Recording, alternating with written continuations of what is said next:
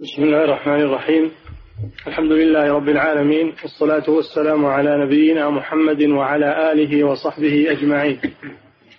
أما بعد قال المؤلف رحمه الله تعالى باب لا يقال السلام على الله. بسم الله الرحمن الرحيم. الحمد لله رب العالمين صلى الله وسلم على نبينا محمد وعلى آله وأصحابه أجمعين. قال الشيخ رحمه الله باب لا يقال السلام على الله لأن هذا من باب الدعاء. والله جل وعلا يدعى ولا يدعى له لأنه غني عن ذلك. السلام معناه الدعاء بالسلامة من الآفات.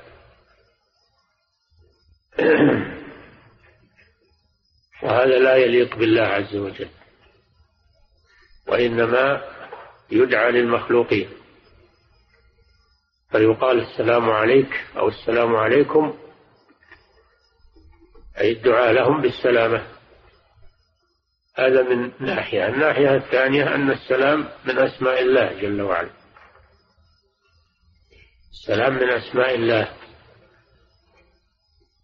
كما جاء في آخر سورة الحشر. الملك القدوس السلام المؤمن. فهو من أسماء الله. وعلى هذا المعنى إذا أريد اسم الله يقال السلام عليكم أي اسم الله عليكم. بمعنى بركته بركته عليكم وحفظه لكم وحمايته لكم. الله جل وعلا هو السلام. السلام من أسمائه وهو أيضا المسلم لعباده المسلم لعباده من الآفات والمحاذير فهو السلام ويطلب منه السلام سبحانه وتعالى. فلا مناسبة للسلام على الله من عباده. ولهذا جاء في حديث ابن مسعود رضي الله عنه صحيح قال كنا قبل أن يفرض علينا التشهد نقول السلام على الله من عباده. السلام على جبريل وميكائيل. فقال صلى الله عليه وسلم لا تقولوا السلام على الله من عباده. فإن الله هو السلام. ولكن قولوا التحيات لله والصلوات والطيبات. ثم علمهم التشهد كما يعلمهم السورة من القرآن. تحياته لله التعظيمات. الله جل وعلا يحيى بمعنى يعظم ولا يسلم عليه. فرق بين التحية والسلام. التحية هي التعظيم. والسلام هو الدعاء بالسلامة.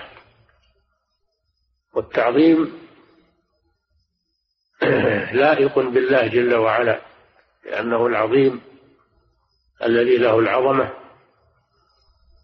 وأما السلام على الله فهذا لا يليق به سبحانه وتعالى لأنه غني عن الدعاء.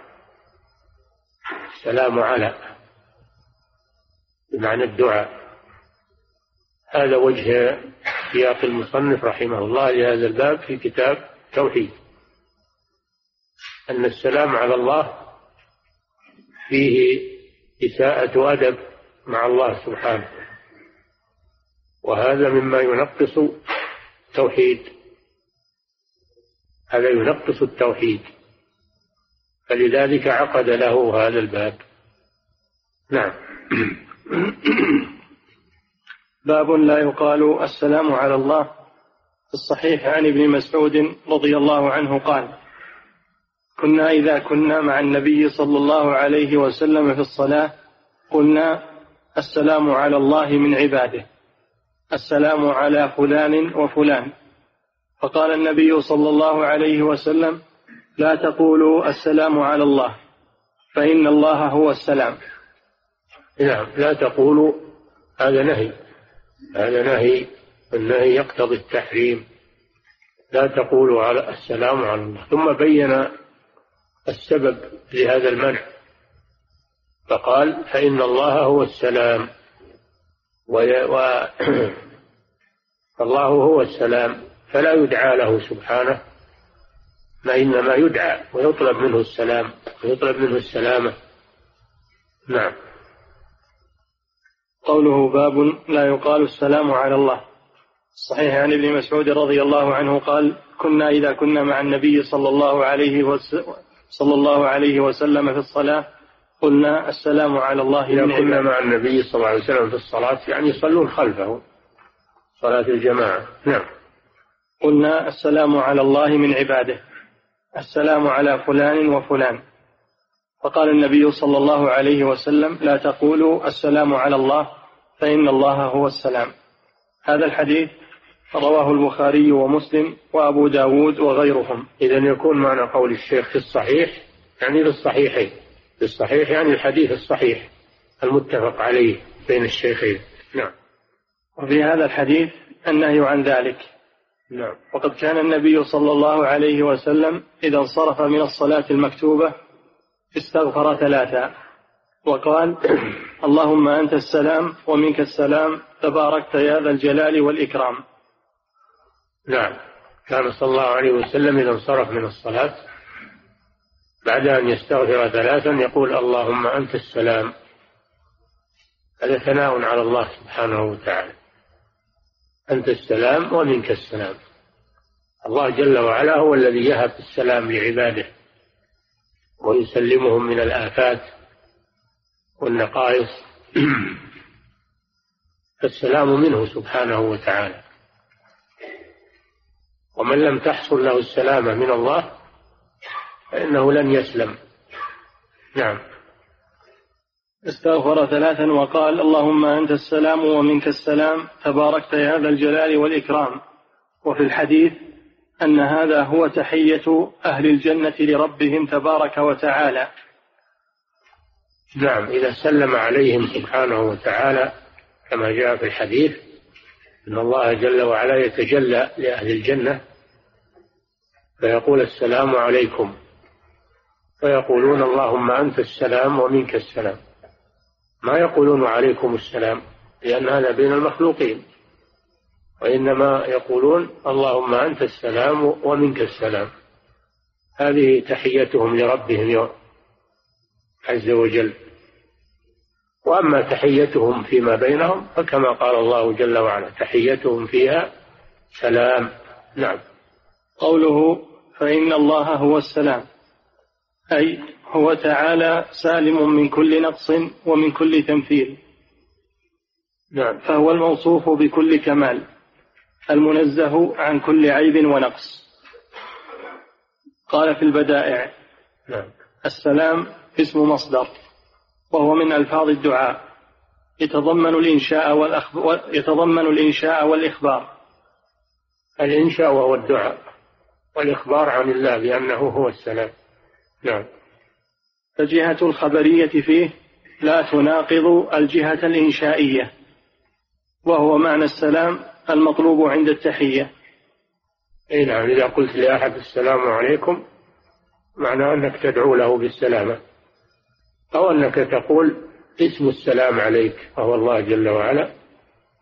وذلك يقتضي نزول البركة على العبد من الله جل وعلا.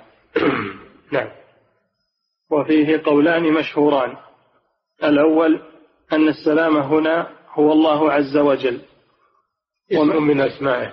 نعم. ومعنى الكلام نزلت بركته عليكم ونحو هذا. نعم. السلام عليكم أي نزلت بركة السلام وهو الله عليكم. نعم. فاختير في هذا المعنى من أسمائه عز وجل اسم السلام دون غيره من الأسماء. الثاني أن السلام مصدر بمعنى السلامة وهو المطلوب المدعو به عند التحية. تقول سلم سلم تسليما هذا مصدر. صلوا عليه وسلموا تسليما هذا مصدر. وتقول سلم سلاما هذا اسم مصدر.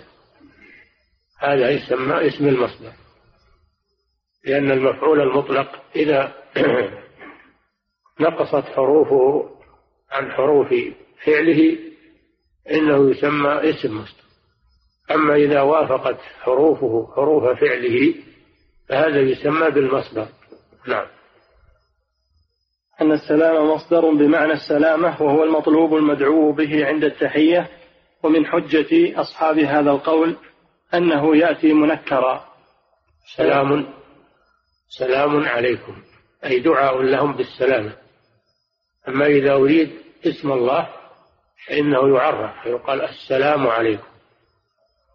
فإذا قلت السلام عليكم فمعناه اسم الله اسم السلام عليك. وإذا قلت سلام عليك فمعناه أنك تدعو له بالسلام. سلام قولا من رب رحيم. نعم. ومن حجة أصحاب هذا القول أنه يأتي منكرا فيقول اسم الله لا يأتي منكرا. نعم. فيقول المسلم سلام عليكم. نعم. ولو كان اسما من أسماء الله لم يستعمل كذا. أي نعم. ومن حجتهم أنه ليس المقصود من السلام هذا المعنى وإنما المقصود منه الإيذان بالسلامة خبرا أو دعاء. نعم. ومن حجتهم أنه ليس المقصود من السلام هذا المعنى وإنما المقصود منه الإيذان بالسلامة خبرا أو دعاء. أي نعم. هذا على المعنى الثاني أن المراد به الدعاء. نعم بالسلامة. نعم. قال ابن القيم رحمة الله عليه. وفصل الخطاب. أن يقال الحق في مجموع القولين. فكل منهما معه بعض الحق. والصواب في مجموعهما. نعم. وإنما يتبين ذلك بقاعدة وهي أن حق من دعا الله بأسمائه الحسنى أن يتوسل في كل مطلب ويسأل بالاسم المقتضي لذلك ويسأل بالاسم المقتضي لذلك المطلوب المناسب لحصوله. نعم فإذا دعوت لأحد بالمغفرة إذا دعوت لنفسك بالمغفرة أو لأحد تقول اللهم اغفر لي أو اغفر له إنك أنت الغفور الرحيم. تأتي بالاسم المناسب اللهم تب عليه أو تب علي إنك أنت التواب الرحيم. تأتي بالاسم المناسب لمطلوبك وحاجتك. وكذلك هنا السلام لما إنك تريد له السلامة فإنك تأتي بسم الله السلام. تقول السلام عليك. أي سلمك الله. نعم. ويسأل بالاسم المقتضي لذلك المطلوب المناسب لحصوله حتى أن الداعي متشفع إلى الله تعالى متوسل به إليه. فإذا قال متوسل باسمه إليه. ولله الأسماء الحسنى فادعوه بها. هذا من التوسل إلى الله. نعم. فإذا قال رب اغفر لي وتب علي إنك أنت التواب الغفور. فقد سأله بأمرين وتوسل إليه باسمين من أسمائه مقتضيين لحصول مطلوبه. فالمقام لما كان مقام مقام فالمقام لما كان مقام طلب السلامة التي هي أهم عند الرجل أتى في لفظها بصيغة اسم من أسماء الله وهو السلام الذي تطلب منه السلامة. هذه المناسبة. هذه هي المناسبة. أنت تدعو لنفسك أو لصاحبك بالسلامة فتأتي باسم السلام مثل إذا دعوت بالمغفرة تأتي باسم الغفور. نعم. وهو مقصود المسلم. فقد تضمن سلام عليكم اسما من أسماء الله تعالى وطلب السلامة منه. فتأمل هذه الفائدة. وحقيقته البراءة والخلاص والنجاة من الشر والعيوب. هذا يعني معنى السلام. من أسماء الله السلام أي السالم من الآفات والنقائص والعيوب. نعم. وحقيقته البراءة والخلاص والنجاة من الشر والعيوب وعلى هذا المعنى تدور تصاريفه. فمن ذلك قولك سلمك الله. ومنه دعاء المؤمنين على الصراط. اللهم سلم سلم. ومنه سلم الشيء لفلان أي خلص له وحده.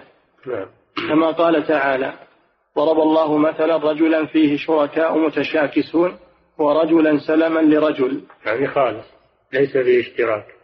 نعم. أي خالصا له وحده لا يملكه معه غيره غيره. ومنه السلم ضد الحرب. لأن كل واحد السلم وإن جنحوا للسلم هو السلم وهو الصلح. وهو الصلح. فلا تهينوا وتدعوا إلى السلم وأنتم الأعلون عن الصلح. نعم. يقال سلم ويقال سلم نعم. ومنه السلم ضد الحرب. نعم. لأن كل واحد من المتحاربين يخلص ويسلم, ويسلم من أذى الآخر. نعم. ولهذا بني فيه على المفاعلة. فيقال المسالمة مثل المشاركة. نعم. ومنه القلب السليم. وهو النقي من الدغل والعيب. القلب السليم هو الخالص من الشرك والخالص من الحقد والحسد هذا السليم السليم القلب السليم هو السالم من جميع الآفات وأعظمها الشرك بالله عز وجل. ومن النيات الباطلة والمقاصد السيئة. نعم. ومنه القلب السليم وهو النقي من الدغل والعيب وحقيقته الذي قد سل... الذي قد سلم لله وحده فخلص من دغل الشرك وغله. هذا أعظم القلب السليم أعظمه أن يكون خالصا من الشرك. الأكبر والأصغر. نعم. فخلص من دغل الشرك وغله ودغل الذنوب والمخالفات. بل هو المستقيم على صدق حبه وحسن معاملته. وهذا هو الذي ضمن الذي ضمن له النجاة من عذابه والفوز بكرامته. نعم. ومنه يوم لا ينفع مال ولا بنون إلا من أتى الله بقلب سليم. نعم. ومنه أخذ الإسلام فإنه من هذه المادة لأنه الاستسلام والانقياد له والتخلص من شوائب الشرك. نعم. فسلم لربه وخلص له. كالعبد الذي سلم لمولاه ليس له فيه شركاء متشاكسون. نعم. ولهذا ضرب سبحانه هذين المثلين للمسلم الخالص لربه وللمشرك به. المشرك بالله مثل العبد الذي يملكه عدة عدة شركاء. هذا يكون في قلق وفي هم لأنه ما يدري من يرضي منهم. والموحد هذا هو الذي ليس فيه شركاء لله عز وجل. ورجل ضرب الله مثلا رجلا فيه شركاء متشاكسون. ورجل ورجلا سلما لرجل. أي خالص. هذا هو الموحد. لأنه مخلص لله عز وجل ولخالقه يعرف رضاه ويعرف طاعته. ألا يستوي هذان المملوكان المملوكان المشترك والخالص؟ لا يستويان في في تعامل الناس. هذا من باب ضرب المثل ولله المثل الأعلى. نعم. قال رحمه الله فيه مسائل. نعم. الأولى تفسير السلام. تفسير السلام بالتفسيرين السابقين أن السلام يراد به اسم من أسماء الله ومعناه السالم من العيوب والنقائص. والمعنى الثاني أنه المسلم. الذي يهب السلامة لعباده. المعنيان صحيحان. نعم. الثانية أن أنه تحية. أن السلام تحية.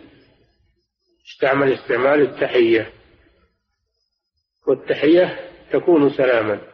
تحيتهم يوم يلقونه سلام. وفرق بين التحية والسلام التحية تعظيم. وهذا يطلق على الله فيقال التحيات لله. وأما السلام فإنه دعاء فهذا لا يطلق على الله لأن الله لا يدعى له سبحانه وتعالى. هذا على المعنى الثاني على المعنى الثاني. فلا يقال السلام على الله وإنما يقال الله هو السلام. نعم. الثالثة أنها لا تصلح لله. نعم أن السلام على الله لا يصلح هذا اللفظ. وأما التحية فإنها تصلح لله جل وعلا. التحيات لله أي جميع التعظيمات لله عز وجل. تعظيم بالقول أو بالفعل كالإنحناء والسجود. هذا لا يكون إلا لله سبحانه وتعالى. لا يجوز الإنحناء لمخلوق لأن هذا ركوع أو السجود له لأن هذا لا يجوز إلا لله جل وعلا. نعم. الرابعة العلة في ذلك. في قوله صلى الله عليه وسلم فإن الله هو السلام. هذا هو التعليل تعليل المنع. نعم.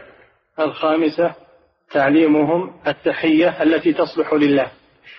إي نعم. لما منعهم من قول السلام على الله قال لهم قولوا التحيات لله. يعني التعظيمات فهذا هو البديل الصالح. وفي هذا دليل على أن من منع من شيء وله بديل صالح فإنه يذكره ويبينه لأجل يستعمل بدل الممنوع. نعم. باب قول اللهم اغفر لي إن شئت. نعم. أي أنه لا يجوز. قول اللهم اغفر لي إن شئت. أن هذا اللفظ لا يجوز في حق الله. سبحانه وتعالى. وسيأتي التعليل لهذا. سيأتي بيان التعليل للمنع. يقول اللهم اغفر لي إن شئت. بل يقول اللهم اغفر لي. ولا يقول إن شئت. نعم. في الصحيح عن أبي هريرة رضي الله عنه. وهذا معناه الصحيحين أيضا. نعم. عن أبي هريرة رضي الله عنه أن رسول الله صلى الله عليه وسلم قال لا يقول أحدكم اللهم اغفر لي إن شئت اللهم ارحمني إن شئت ليعزم المسألة فإن الله لا مكره له ولمسلم وليعظم الرغبة فإن الله لا يتعاظمه شيء أعطاه. تعاظمه لا يتعاظم لا يتعاظمه شيء أعطاه. نعم. النبي صلى الله عليه وسلم نهى أن يقول اللهم اغفر لي إن شئت اللهم ارحمني إن شئت. وذلك لأمرين. الأمر الأول له إذا قال إن شئت هذا معناه أنه أنه ما هو بحريص على الطلب إن حصل ولا ما هو بلازم. وهل أحد يستغني عن الله عز وجل؟ لا أحد يستغني. كما تقول لشخص أعطني كذا إن شئت. يعني أنت أنه ما أنت أنك ما أعطيت أنه ما هو بلازم أنا أستغني عنه. فهذا فيه فتور في الطلب. وكأن العبد مستغني حصل له المغفرة والرحمة وإلا هو ما هو بحاجة. هذا المعنى الأول. المعنى الثاني فإن الله لا مكره له.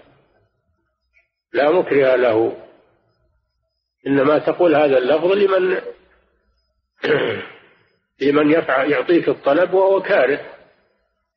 الله جل وعلا يعطيك الطلب فضلا منه وإحسانا ومنة. ولا أحد يكرهه. إنما تقول اغفر لي. إنما تقول يا فلان أعطني كذا إن شئت. يعني إن كنت ترغب هذا الشيء ولا يشق عليك. إن كان هذا الشيء لا يشق عليك أعطني إياه إن شئت. لأن المخلوق ضعيف وقد يشق عليه هذا الشيء أو يكره أنه يبذل هذا الشيء. أنت لا تريد إكراهه وإنما تعطيه الحرية لأنه يفعل أو لا يفعل. الله ليس كذلك جل وعلا. الله يعطيك ولا مكره له. لا أحد يكرهه على إعطائه وأنت لا تكره الله على إعطائه. فهذا فيه تنزيه الله عز وجل عن الإكراه الذي ينتهي بالمشيئة بإن شئت.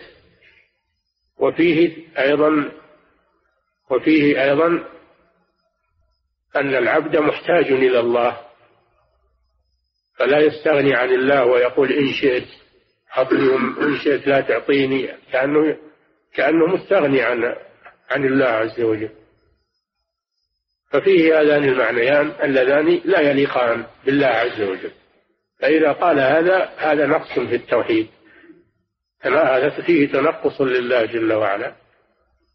وذلك يخل بالتوحيد. ولذلك عقد المصنف هذا الباب في كتاب التوحيد. نعم. قوله باب قول اللهم اغفر. وفي الرواية الثانية وفي الرواية الثانية يعظم الرغبة.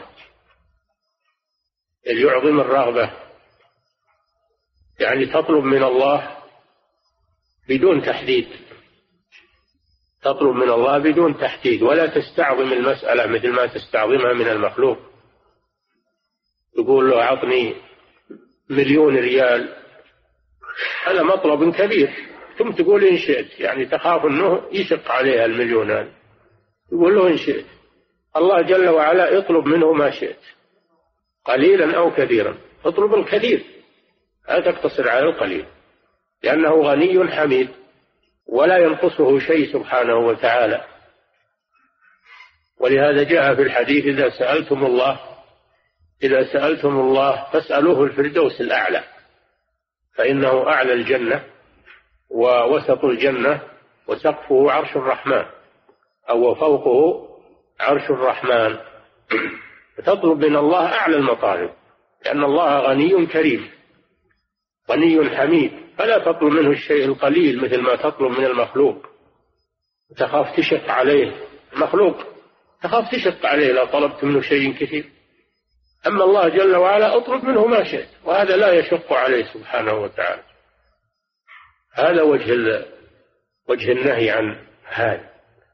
وليعظم الرغبة.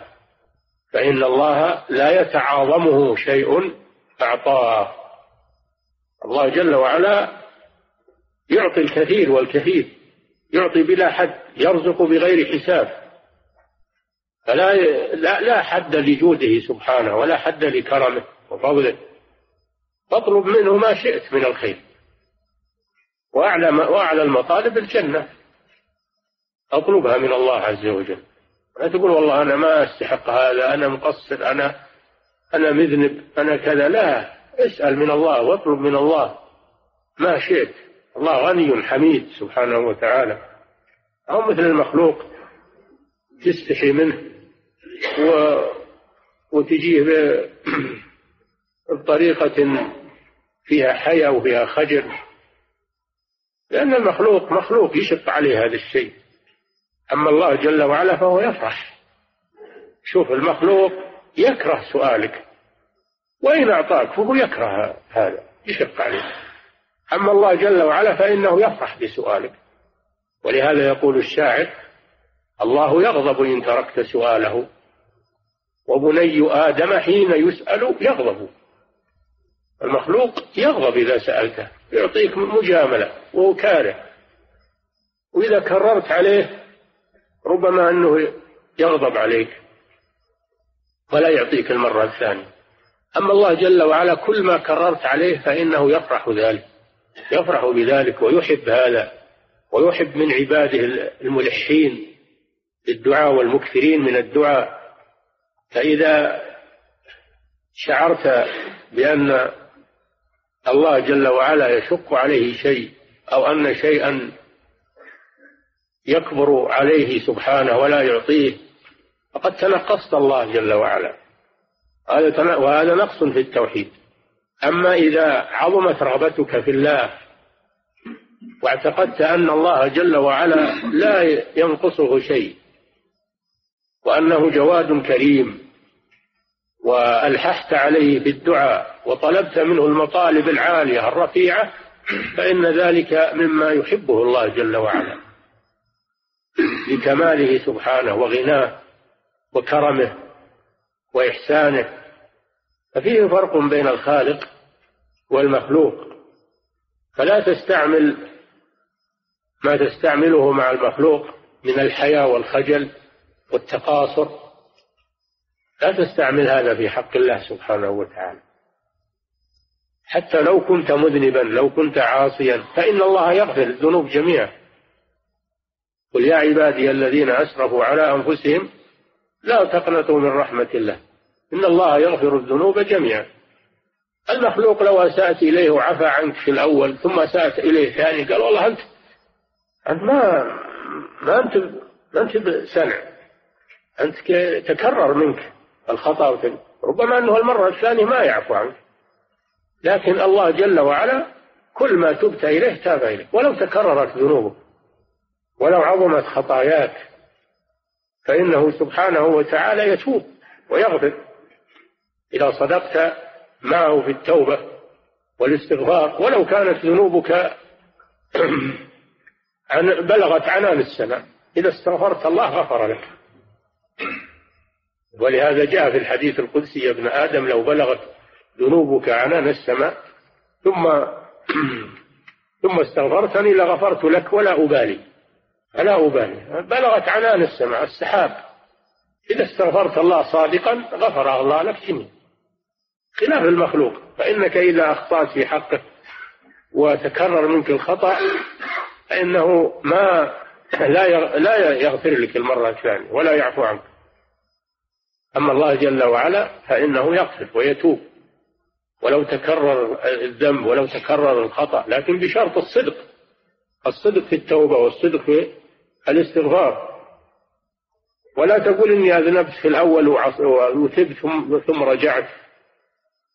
لا تب إلى الله مرة ثانية وثالثة ورابعة وألف وألفين. تب إلى الله. كل ما أذنبت تب إلى الله.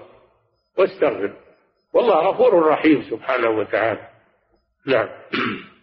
قوله باب قول اللهم اغفر لي إن شئت. قوله لا يقول أحدكم اللهم اغفر لي إن شئت. اللهم ارحمني إن شئت ليعزم المسألة. إي نعم لأن قوله إن شئت هذا ما فيه عزم فيه تردد فيه تردد من السائل. ما هو بعازم في سؤاله؟ كأنه يقول إن حصل ولا ما هو بلازم؟ نعم. ليعزم المسألة فإن الله لا مكره له. فإن الله لا مكره له. هذا المعنى الثاني. المعنى الأول إن فيه تردد وفيه فتور في الطلب. والمعنى الثاني أن أن أن أن قائل هذا كأنه يظن أن الله يكرهه أحد. فلذلك قال إن شئت. يعني باختيارك هذا إن شئت ولا ما هو بلازم. يخشى أنه يكرهه. نعم. فإن الله لا مكره له بخلاف العبد. الله جل وعلا لا يقاس بخلقه. نعم. بخلاف العبد فإنه قد يعطي السائل مسألته لحاجته إليه. أو لخوفه أو لخوفه منه. نعم. أو رجائه. أو يعطيه يبي يكسبه يبي يصير يشتغل عنده. له لهم أهداف الناس.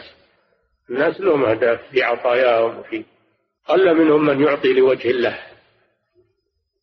إنما يعطي لرغبته هو. يبيه خدم عنده يبيه يحبه يبيه يمدحه. أو يحتاج إليه علشان أنه هو يحتاج يعطيه يعطيه هو هالمرة علشان هو لو يحتاج بعدين يعطيه يصير له عنده له معروف يرد عليه المعروف. هذا بين الناس. أما الله جل وعلا كل هذه المعاني لا تليق به سبحانه وتعالى. نعم. بخلاف العبد فإنه قد يعطي السائل مسألته لحاجته إليه أو لخوفه أو رجائه فيعطيه مسألته وهو كاره. نعم. فاللائق بالسائل للمخلوق أن يعلق حصول مسألته على مشيئة المسؤول. أي نعم. المخلوق لا بأس. تقول عطني كذا إن شئت. عطني كذا إن شئت. تلافيا لما يحصل له من الكراهية والمشقة. تقول له إن شئت. يعني تعطيه الاختيار. بخلاف الخالق جل وعلا. فلا حاجة إلى هذا. نعم. أن يعلق حصول مسألته على مشيئة المسؤول مخافة أن يعطيه وهو كاره بخلاف رب العالمين فإنه يعطي عبده ما أراده بفضله وكرمه وإحسانه. فالأدب مع الله سبحانه أن لا يعلق مسألته لربه بشيء لسعة فضله وإحسانه وجوده وكرمه. وفي الحديث ليعزم المسألة. وفي الحديث يمين الله ملآ لا يغيضها نفقة. سحاء الليل والنهار. الحديث. نعم. قوله ولمسلم وليعظم الرغبة. أي في سؤاله رب أي في سؤاله ربه حاجته.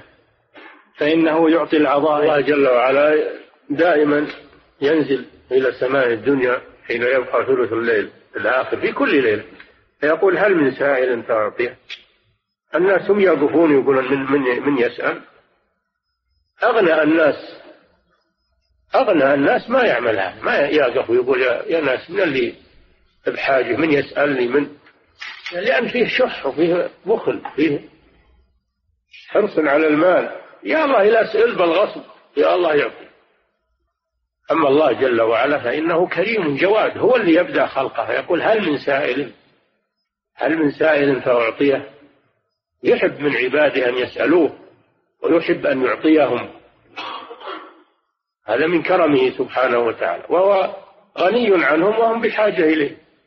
هم المحتاجون إليه. نعم. وليعظم الرغبة أي في سؤاله ربه حاجته فإنه يعطي العظائم كرما وجودا وإحسانا. نعم. فإن الله لا يتعاظمه شيء أعطاه. أي ليس ما أعطى عبده مما سأله بعظيم عنده. بكمال فضله وجوده. وقد, وقد قال بعض الشعراء في مخلوق يمدحه. وتعظم في عين الصغير وتعظم في عين الصغير صغارها. وتصغر في عين العظيم العظائم. هذا في مدح المخلوق إنه العظائم صغيرة عنده. يمدح مخلوق ملك من الملوك. أو يمدح هذا المتنبي. هذا من باب المثال, المثال ما هذا من باب المثال. إن الناس على شكلين. فالصغير تعظم عنده الصغائر والعظيم تصغر عنده العظائم الناس ما هم بواحد فآخر البيت هذا هو اللائق بالله جل وعلا أنه هو الذي تصغر عنده العظائم. هذا في حق الله أليق من المخلوق. والآخر يقول كأنه إذا ما جئته متهللا كأنك تعطيه الذي أنت سائله. هذا أيضا مدح للمخلوق. هذا يمدح مخلوق وهذا المدح يليق بالله جل وعلا لأن الله جل وعلا كريم. لا لا تغيظ لا لا يغيظه شيء مما عنده سبحانه. ولله خزائن السماوات والأرض. نعم. الله سبحانه وتعالى أحق بكل مدحة وثناء. نعم كل كمال كل كمال قاعدة أن كل كمال ثبت للمخلوق لا يستلزم نقصا فإن الله أحق به. كل كمال ثبت للمخلوق لا يستلزم نقصا فإن الله جل وعلا أحق به ولله المثل الأعلى. نعم. قال رحمه الله فيه مسائل. نعم. الأولى النهي عن الاستثناء في الدعاء. إي نعم. إنه ما يقول إن شئت هذا استثناء. بل يعزم. يقول اللهم أعطني كذا ولا يستثني بالمشيئه نعم. الثانية بيان العلة في ذلك. فإن الله فإن, فإن الله لا مكره له. هذه هي العلة. فإن الله لا يتعاظمه شيء أعطاه. هذه هي العلة. نعم. الثالثة قوله ليعزم المسألة. أي نعم ولا يتردد. ولا يتردد في سؤاله ويفتر في سؤاله بل يعزم. ويوقن بالإجابة ادعوا الله وأنتم وأنتم موقنون بالإجابة. فإن الدعاء لا يستجاب من قلب غافل ساهن. بل يدعو الإنسان وهو موقن بالإجابة من الله سبحانه وتعالى؟ لا ما يقول بدعي حصل لي شيء ولا ما هو بضار. لا ما يقول كذا في حق الله جل وعلا. بل يعزم إن الله سيعطيه ما سأل والله عند حسن عند حسن ظن عبده به سبحانه وتعالى. نعم. الرابعة إعظام الرغبة. أي نعم بأنك تطلب بلا حدود تطلب من الله بلا حدود. لكن ما تطلب من الله الأشياء اللي ما تليق بك كأن تسأل الله منازل الأنبياء منازل الرسل هذا لا يليق بك. لكن اسأل الله ما يليق بك وبأمثالك. أما إذا سألت شيئا لا يليق بك فهذا من من الاعتداء بالدعاء. هذا من الاعتداء في الدعاء إنك تسأل إن الله يعطيك منازل الأنبياء أو منازل الرسل هذا من الاعتداء بالدعاء. نعم. لكن ادعو الله أن يعطيك منازل المؤمنين. أتباع الرسل عليهم الصلاة والسلام. نعم. الخامسة التعليل لهذا الأمر. لا يتعظمه شيء أعطاه أي لا يشق عليه سبحانه وتعالى. نعم. ولا يعجزه. نعم. قال رحمه الله باب لا يقول عبدي باب, باب لا يقول عبدي وأمتي. هذه الأبواب متشابهة كلها يشبه بعضها بعضا كلها من باب تعظيم الله عز وجل والتأدب معه وأنه لا يقال في حقه ما يقال في حق المخلوقين. كل هذه الأبواب متشابهة ولذلك ساقها المصنف على نسق واحد لأنها يشبه بعضها بعضا. نعم. في الصحيح عن باب لا يقول عبدي وأمتي فإن قلت لماذا لم يسقها في باب واحد؟ نقول فرقها لأجل التسهيل على لأجل التسهيل على المتعلم لأجل يحفظها ويتقنها. أما لو ساقها جميع في باب واحد يشق حفظها ويشق آه، فهمها. فالعلم يؤخذ شيئا فشيئا. هذه سياسة تعليمية. إن العلم هو يؤخذ دفعة واحدة. إنما يؤخذ شيئا فشيئا. نعم. باب لا يقال لا يقول عبدي وأمتي في الصحيح. نعم هذا أيضا من احترام أسماء الله سبحانه وتعالى وتعظيم الله أنه أن أن السيد الذي يملك العبد لا يقول عبدي وأمتي. لا يقول المالك عبدي مالك الرقيق لا يقول له عبدي أو يا عبدي. أو أمتي أو يا أمتي لأن هذا لا يليق إلا بالله جل وعلا. فإن الناس عبيد لله جل وعلا. العبودية لله جل وعلا. ولكن يقول فتاي وفتاتي وغلامي هذا يقوله السيد. يقول فتاي بدل عبدي قال الله جل وعلا عن موسى وإذ قال موسى لفتاه لا أبرح حتى أبلغ مجمع البحرين فتاه ما قال عبده قال فتاه. فيقول فتاي ويقول في الأمة فتاتي ولا يقول أمتي أو عبدتي لا يقول هذا. فتاي وفتاتي ويقول غلامي أيضا يقول في العبد غلامي. هذا من ناحية المالك والسيد. من ناحية من ناحية المملوك يقول سيدي يقول لمالك سيدي ولا يقول ربي. لا يقول ربي وإنما يقول سيدي ومولاي لأن المولى يطلق على المالك ويطلق على المعتق الذي له الولاء على عبده ويطلق على المناصر. الله فاعلموا أن الله مولاكم نعم المولى ونعم النصير.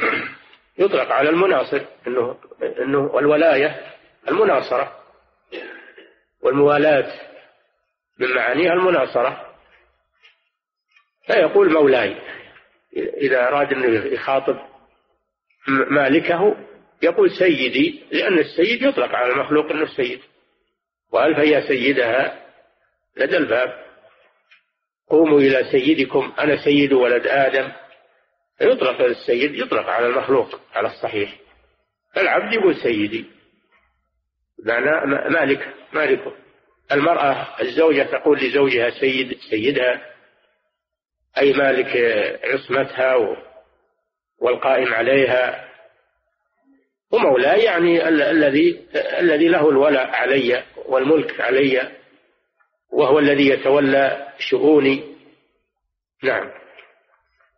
ففيه النهي عن الألفاظ التي فيها إساءة أدب في حق الله جل وعلا واستعمال الألفاظ التي لا محذور فيها والمعنى واحد المعنى واحد. لكن لما كانت هذه الألفاظ فيها إيهام وفيها إساءة أدب مع الله تتجنبها وتأتي بألفاظ سليمة. نعم. الصحيح عن أبي هريرة رضي الله عنه.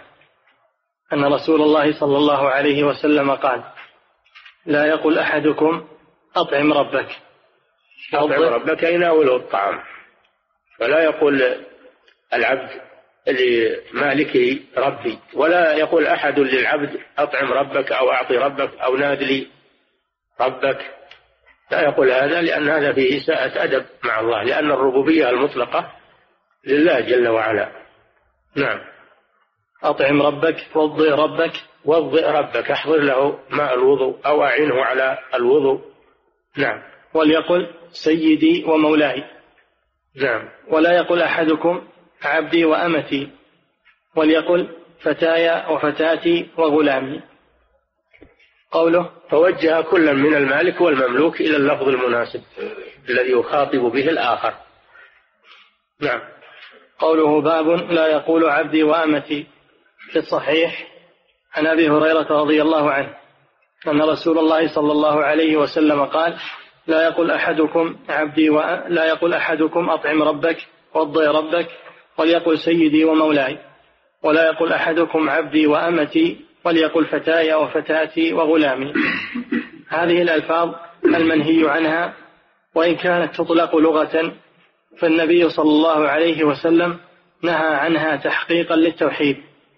وسدا لذرائع. لغة على المخلوقين لكن يكره إطلاقها يكره شرعا يكره شرعا إطلاقها عليهم وإن كانت جائزة من ناحية اللغة العربية لكن من ناحية الشرع تكره. نعم. فالنبي صلى الله عليه وسلم نهى عنها تحقيقا للتوحيد. نعم. هذا هذا هو المناسبة لكتاب التوحيد أن في تركها تحقيقا للتوحيد وفي استعمالها نقص للتوحيد. نعم. نعم. تحقيقا للتوحيد وسدا لذرائع الشرك لما فيها من التشريك في اللفظ. التشريك في اللفظ. لا في المعنى والحقيقة لكن في اللفظ. حتى الألفاظ اللي فيها اللي فيها إخلالا بالتوحيد يتجنبها الإنسان. مثل ما سبق لولا الله وأنت ما شاء الله وشئت. هذه تتجنب لأنها شرك في اللفظ لا في العقيدة ولا في النية. نعم. لأن الله تعالى هو رب العباد جميعهم. الربوبية حق لله جل وعلا. نعم. فإذا أطلق على غيره ما يطلق عليه تعالى وقع الشبه في اللفظ. نعم. فينبغي أن يجتنب هذا اللفظ في حق المخلوق من ذلك. ينبغي يعني يستحب ما هو ما هو بيحرم. نعم. فأرشدهم صلى الله عليه وسلم إلى ما يقوم مقام هذا اللفظ وهو قوله سيدي ومولاي. هذا بالنسبة للمملوك. نعم. وكذلك قوله لا يقول أحدكم عبدي وأمتي لأن العبيد عبيد الله والإماء إماء الله. نعم. قال الله تعالى إن كل من في السماوات والأرض إلا آتي الرحمن عبدا. الآية. نعم. قال رحمه الله فيه مسائل. نعم. الأولى النهي عن قول عبدي وأمتي. نعم. النهي واضح لا يقول أحدكم عبدي وأمتي. نعم. الثانية لا يقول العبد ربي ولا ولا يقال له أطعم ربك. نعم. لا يقول العبد عن سيده ربي وليقل سيدي ومولاي. ولا يقول له أحد يخاطبه يقول أطعم ربك وضئ ربك. ادع لي ربك يعني بمعنى المالك له من بني آدم لأن هذا اللفظ يطلق على الله جل وعلا. نعم فهو الرب سبحانه وتعالى. نعم. الثالثة تعليم الأول قول فتايا وفتاتي وغلام. وهو السيد. نعم. الرابعة تعليم الثاني قول سيدي وهو المملوك. نعم. قول سيدي ومولاي. نعم. الخامسة التنبيه للمراد وهو تحقيق التوحيد. التنبيه؟ التنبيه للمراد. نعم من النهي المراد من النهي. نعم. وهو تحقيق التوحيد حتى في الألفاظ. تحقيق التوحيد حتى في الألفاظ وإن كان الإنسان لا يقصد هذا بقلبه فهو لا يستعمله بلسانه لأجل سد الذرائع. سد الذرائع حمى التوحيد. حتى الألفاظ اللي فيها إيهام وفيها تترك. واللغة واسعة ولله الحمد. استعمل بدلها ما ليس فيه محذور وليس ما, ما ليس فيه إيهام. نعم. باب لا يرد من سأل بالله. يكفي نقف عند هذا. يقول فضيلة الشيخ وفقكم الله. اعتاد كثير من الناس في دعائهم تعليق الدعاء بالمشيئة. كقولهم الله ينصرنا إن شاء الله. فهل ذلك سبب لعدم إجابة الدعاء؟ هذا منهي عنه. لا يقول اللهم انصرنا أو انصر المسلمين إن شئت أو الله اللهم انصر الله ينصر المسلمين إن شاء. لا يجوز. لا يجوز هذا. في جميع أنواع الدعاء. جميع أنواع الدعاء لا يؤتى فيها بالمشيئة. نعم. يقول فضيلة الشيخ وفقكم الله كيف يوجه دعاء النبي صلى الله عليه وسلم للمريض. طهور إن شاء الله. لا ما هو بدعاء هذا إخبار. هذا إخبار. الرسول صلى الله عليه وسلم يتفاءل يتفاءل أن هذا المرض أنه طهور تطهير للمريض. هذا من باب التفاؤل والإخبار ما هو من باب الدعاء. ما قال اللهم اشفه إن شئت أو اللهم طهره بهذا المرض إن شئت. وإنما قال طهور هذا من باب الإخبار والتفاؤل. لأن المرض قد يكون تطهير وقد يكون عقوبة. لا يدرى نعم. حكمة تختفي فيه حكمة الله جل وعلا. لا يعلمها إلا هو. نعم. الإنسان ما يجزم بأن يقول هذا طهور هالمرض طهور. ما يجزم بهذا. بل يقول إن شاء الله. نعم. من باب التفاؤل. نعم. وكيف يوجه قوله صلى الله عليه وسلم في دعائه للأموات ونحن إن شاء الله بكم لاحقون. هذا يقولون إما أنها للتحقيق مثل لا تدخلون المسجد الحرام إن شاء الله من باب التحقيق لا من باب التعليق. وقيل إن بكم إن شاء الله يعني على الإيمان لأن يعني الإنسان ما يدرى ما يختم له قد لا يلحق بهم قد يكون مع الكفار. لا يلحق بالمؤمنين فالإنسان ما يجزم لأنه ما يدري عن الخاتمة. فلذلك يقول إن شاء الله. هذا هو. ما هم من باب الدعاء. إن شاء الله لا تأتي في الدعاء فقط أما غيره لا بأس. نعم.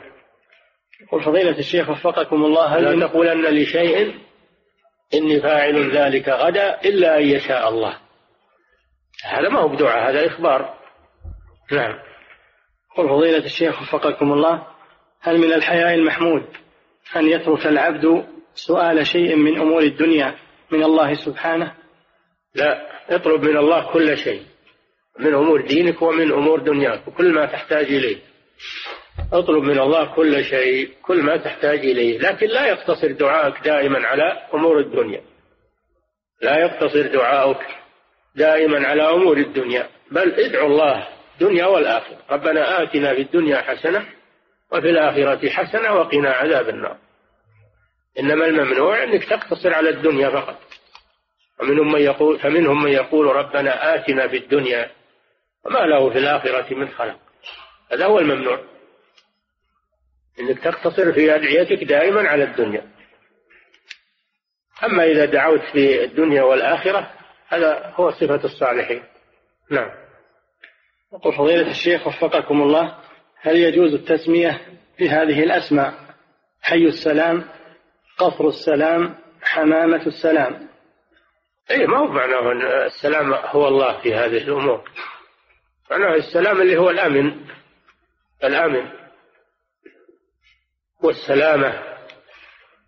يعني يعني معناه حي حي السلامة وحي الأمن.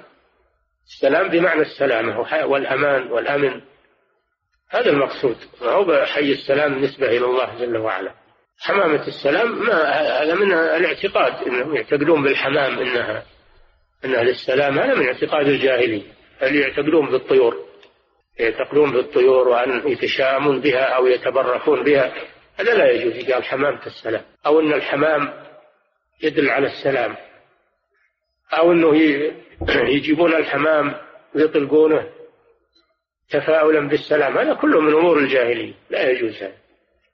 يعني منهم من يجمع حمام وإذا صار حفل ولا شيء يطلقون الحمام أو معاهدة يطلق أو مؤتمر يطلقون الحمام هذا من اعتقاد الجاهلية لا يجوز هذا. نعم. يقول فضيلة الشيخ وفقكم الله هل, هل يجوز الدعاء على الكفار بالهلاك عموما أم يقيد بالمعتدين والظالمين منهم؟ وهل الدعاء عليهم بالهلاك عموما كمن يقول أحصهم عددا ولا تغادر منهم أحدا من باب الاعتداء في الدعاء؟ لا هذا طيب. الدعاء الكافرين عموما هذا طيب. يكفي الله المسلمين شرا. الله جل وعلا يقول فنجعل لعنة الله على الكاذبين. ألا لعنة الله على الظالمين؟ النبي صلى الله عليه وسلم يقول لعنة الله على اليهود والنصارى. الدعاء على الكفار. على طريق العموم هذا مشروع لا بأس به. نعم. يقول فضيلة الشيخ وفقكم الله ذكر أحد الوعاظ في كلمة له أن من أخطاء الأئمة الدعاء لجميع المسلمين سواء سواء بالعافية والشفاء وبرر ذلك بتبريرات منها أنه لا يمكن أن يشفى الناس جميعا. يعني الله عاجز أنه يشفيهم جميعا. سبحان الله. نعم. يقول فضيلة الشيخ وفقكم الله. هذا هذا من تنطعات بعض المتعالمين أو المبتدئين في طلب العلم. يجيبون مثل هالغرائب وهذه الأشياء. هذا لا يجوز الكلام هذا. يدعى للمسلمين بالشفاء ويدعى للمسلمين بالنصر ويدعى للمسلمين بالتوفيق ويدعى للمسلمين بالمغفرة.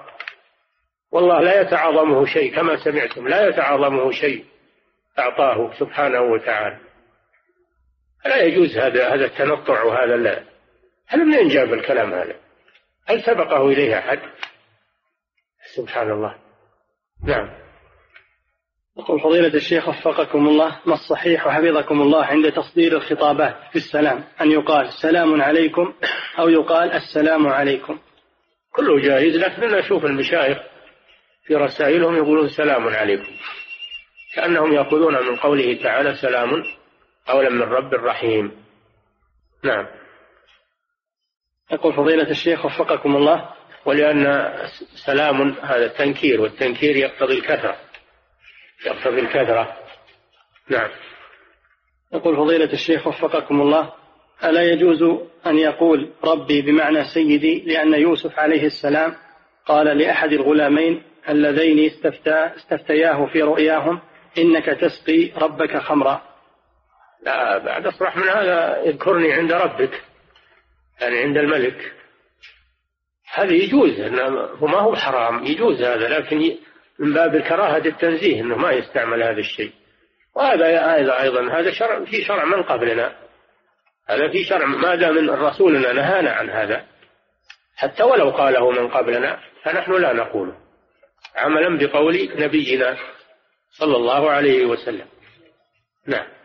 فما جاء عن الأمم السابقة ونهانا عنه الرسول صلى الله عليه وسلم فإننا نتركه. والقاعدة في الأصول أن شرع من قبلنا شرع لنا ما لم يرد شرعنا بخلافه.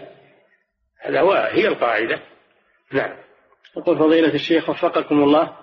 هل يقصد يوسف عليه الصلاة والسلام بقوله في الآية معاذ الله إنه ربي أحسن مثواي هل يقصد سيده العزيز؟ احتمالان احتمالان أنه يقصد مالكه لأنه كان مملوك للمشترى ويحتمل أنه أراد ربه عز وجل. يحتمل هذا وهذا. نعم. يقول فضيلة الشيخ وفقكم الله هل يعد من الإعتداء في الدعاء؟ سؤال الولد وأنت غير متزوج أو سؤال المطر في غير وقته كغير وقت الشتاء؟ سبحان الله هذا من التنطعات تسأل الولد وأنت غير متزوج يسأل الله يرزق زوجه ويرزق ذرية ويرزق. وهل الله يعجز أنه يزوجك وأنه يعطيك أولاد؟ يسأل الله. ذرية وزوجة صالحة وذرية طيبة و... ولو ما ت... ولو أنت ما, ما بعد تزوجت. ما يخالف. والمطر قد يحتاجه الناس للشرب. يحتاجون الناس للشرب للآبار. والله قادر أنه ينزل المطر في أي وقت. إذا احتاج الناس إلى الشرب أو إلى المياه في الآبار ولهم في ولهم في القيض أو في الصيف. يستغيثون ربهم للحاجة. نعم. وهو قادر أن ينزل المطر في أي وقت سبحانه وتعالى. نعم. يقول فضيلة الشيخ وفقكم الله إذا كان قول عبدي وقول أطعم ربك ينقص التوحيد ألا يكون هذا القول محرما ولا يكون مكروها؟ لا مكروه فيه شيء كمال الواجب وفيه الكمال المستحب. فما ينافي الكمال المستحب هذا مكروه وما ينافي الكمال الواجب هذا محرم وهذا مما ينافي الكمال المستحب. نعم. فضيلة الشيخ وفقكم الله قد يصعب على الإنسان تحصيل شيء لصعوبته بالنسبة له فهل يسوغ له ذلك ألا يسأل ذلك الله عز وجل؟ وإنما يسأله ما يمكن له إدراكه بالأسباب فيسأله عز وجل أن يوفقه لعمل تلك الأسباب. يا أخوان لا تكلفون هذه التكلفات. اسأل الله كل شيء أنت بحاجة إليه. ولا تحدد لله عز وجل تحدد له أشياء. الله قادر على كل شيء. وغني وكريم وجواد. فلا تحدد مع الله جل وعلا. أسأل الله كل شيء من حوائجه كل شيء تحتاج إليه مما يليق بك وما تحتاجه وما تحتاج إليه. نعم. يقول فضيلة الشيخ وفقكم الله هل يدخل في النهي قول الإنسان لشخص أو لن... قول الإنسان لشخص إن شاء الله تكون عالما أو فقيها؟ ليش؟ هل يدخل في النهي قول الإنسان لشخص آخر إن شاء الله تكون عالما أو فقيها؟ إن كان هذا من باب الدعاء فهو ما يقول إن شاء الله. أما إن كان من باب التوقع ولا توقع إن شاء الله أنك تكون كذا ما بالتوقع ما هو بدعاء. نعم. أما إن كان يدعو الله أنه يكون عالما أو يكون فقيها فلا يأتي به إن شاء الله. النبي صلى الله عليه وسلم قال لعبد الله بن عباس اللهم فقهه في الدين وعلمه التأويل ولم يقل إن شئت. نعم. يقول فضيلة الشيخ وفقكم الله في بعض الأوقات تفوتني صلاة الفجر غصبا عني فإذا قمت وصليت قضاء وصرت في السجود أستحي وأخاف من الله سبحانه أن أدعوه لأني لم أصلي في الجماعة. هذا من الشيطان هذا الكلام من الشيطان وسوس إلا استغفر ربك وادعو ربك وأنت معذور في النوم الذي غلبك أنت معذور. إذا كان النوم غلبك وأنت ناوي للقيام ولكن غلبك النوم فأنت معذور. هذا حصل للرسول صلى الله عليه وسلم. أنت معذور في هذا وادعو الله بما بما تشاء من المغفرة والرزق وكل خير. ولو ولو أن الصلاة آه، قد نمت عنها بغير اختيارك. نعم. يقول فضيلة الشيخ وفقكم الله ما حكم قول المسلم السلام على من اتبع الهدى للمسلم؟ إيه، ما يجوز للمسلم هذا. هذا يجوز مع الكافر كما قاله موسى وهارون عليهما السلام لفرعون لأنه كافر. وكما كتب النبي صلى الله عليه وسلم إلى هرقل عظيم الروم النصراني قال السلام على من اتبع الهدى. أما المسلم لا يجوز تقول السلام على من اتبع تقول السلام عليك رحمة الله وبركاته. أخوك. نعم. يقول فضيلة الشيخ وفقكم الله هل يأثم من أشرك شركا لفظيا من غير نية؟ نعم. يأثم. إذا كان يعرف هذا واستعمله ويعرف أنه منهي عنه فإنه يأثم ولو كان لفظيا. نعم.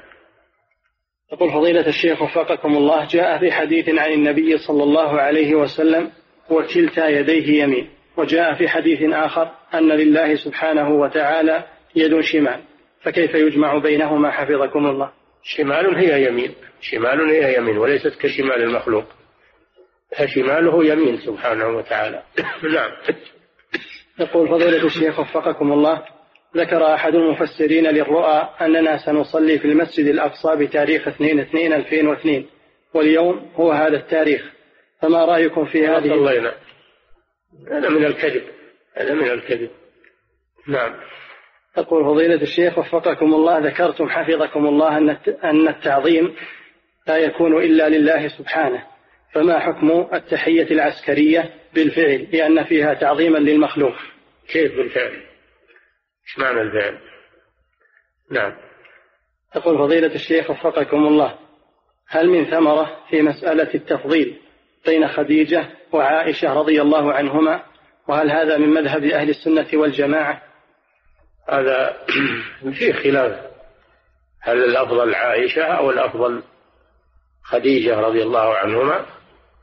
والصواب أن كل واحدة لها فضائل ليست عند الأخرى. خديجة لها فضائل ليست عند عائشة وعائشة لها فضائل ليست عند خديجة. التوقف في هذا وعدم الدخول فيه أحسن. نعم. يقول فضيلة الشيخ وفقكم الله هل ورد في السنة ما يدل على أن زيارة القبور تكون بعد صلاة الفجر من يوم الجمعة وقبل شروق الشمس وأن ذلك من أفضل الأوقات؟ لا أصل لهذا. القبور تزار في أي وقت تيسر لأن الرسول صلى الله عليه وسلم لم يحدد. قال زوروا القبور فإنها تذكر بالآخرة. ما قال زوروها بعد الفجر أو في يوم العيد أو في يوم الجمعة. ما قال هذا. قال زوروا القبور وأطلق. أي وقت تيسر لك تزور القبور. عملا بالسنة. نعم. يقول فضيلة الشيخ وفقكم الله امرأة حامل أصيبت بنزيف. وأدخلت للمستشفى وأعطيت الغذاية لسلامة الحمل فأفطرت ثلاثة أيام فماذا يكون عليها؟ يكون عليها القضاء. يكون عليها القضاء لأنها أفطرت لأجل الطفل لأجل الحمل ويجوز للحامل إذا كان على حملها ضرر من الصيام يجوز لها أن تفطر وتقضي الأيام التي أفطرتها. بعض العلماء يقول عليها كفارة. إذا أفطرت لأجل غيرها لأجل الحمل أو لأجل الرضاع ولا هي سليمة وتقدر على الصيام يقول عليها مع مع القضاء إطعام مسكين ولكن الصحيح إن شاء الله أنه ليس عليها إلا القضاء. نعم. الله تعالى أعلم صلى الله وسلم على نبينا محمد وعلى آله وصحبه أجمعين.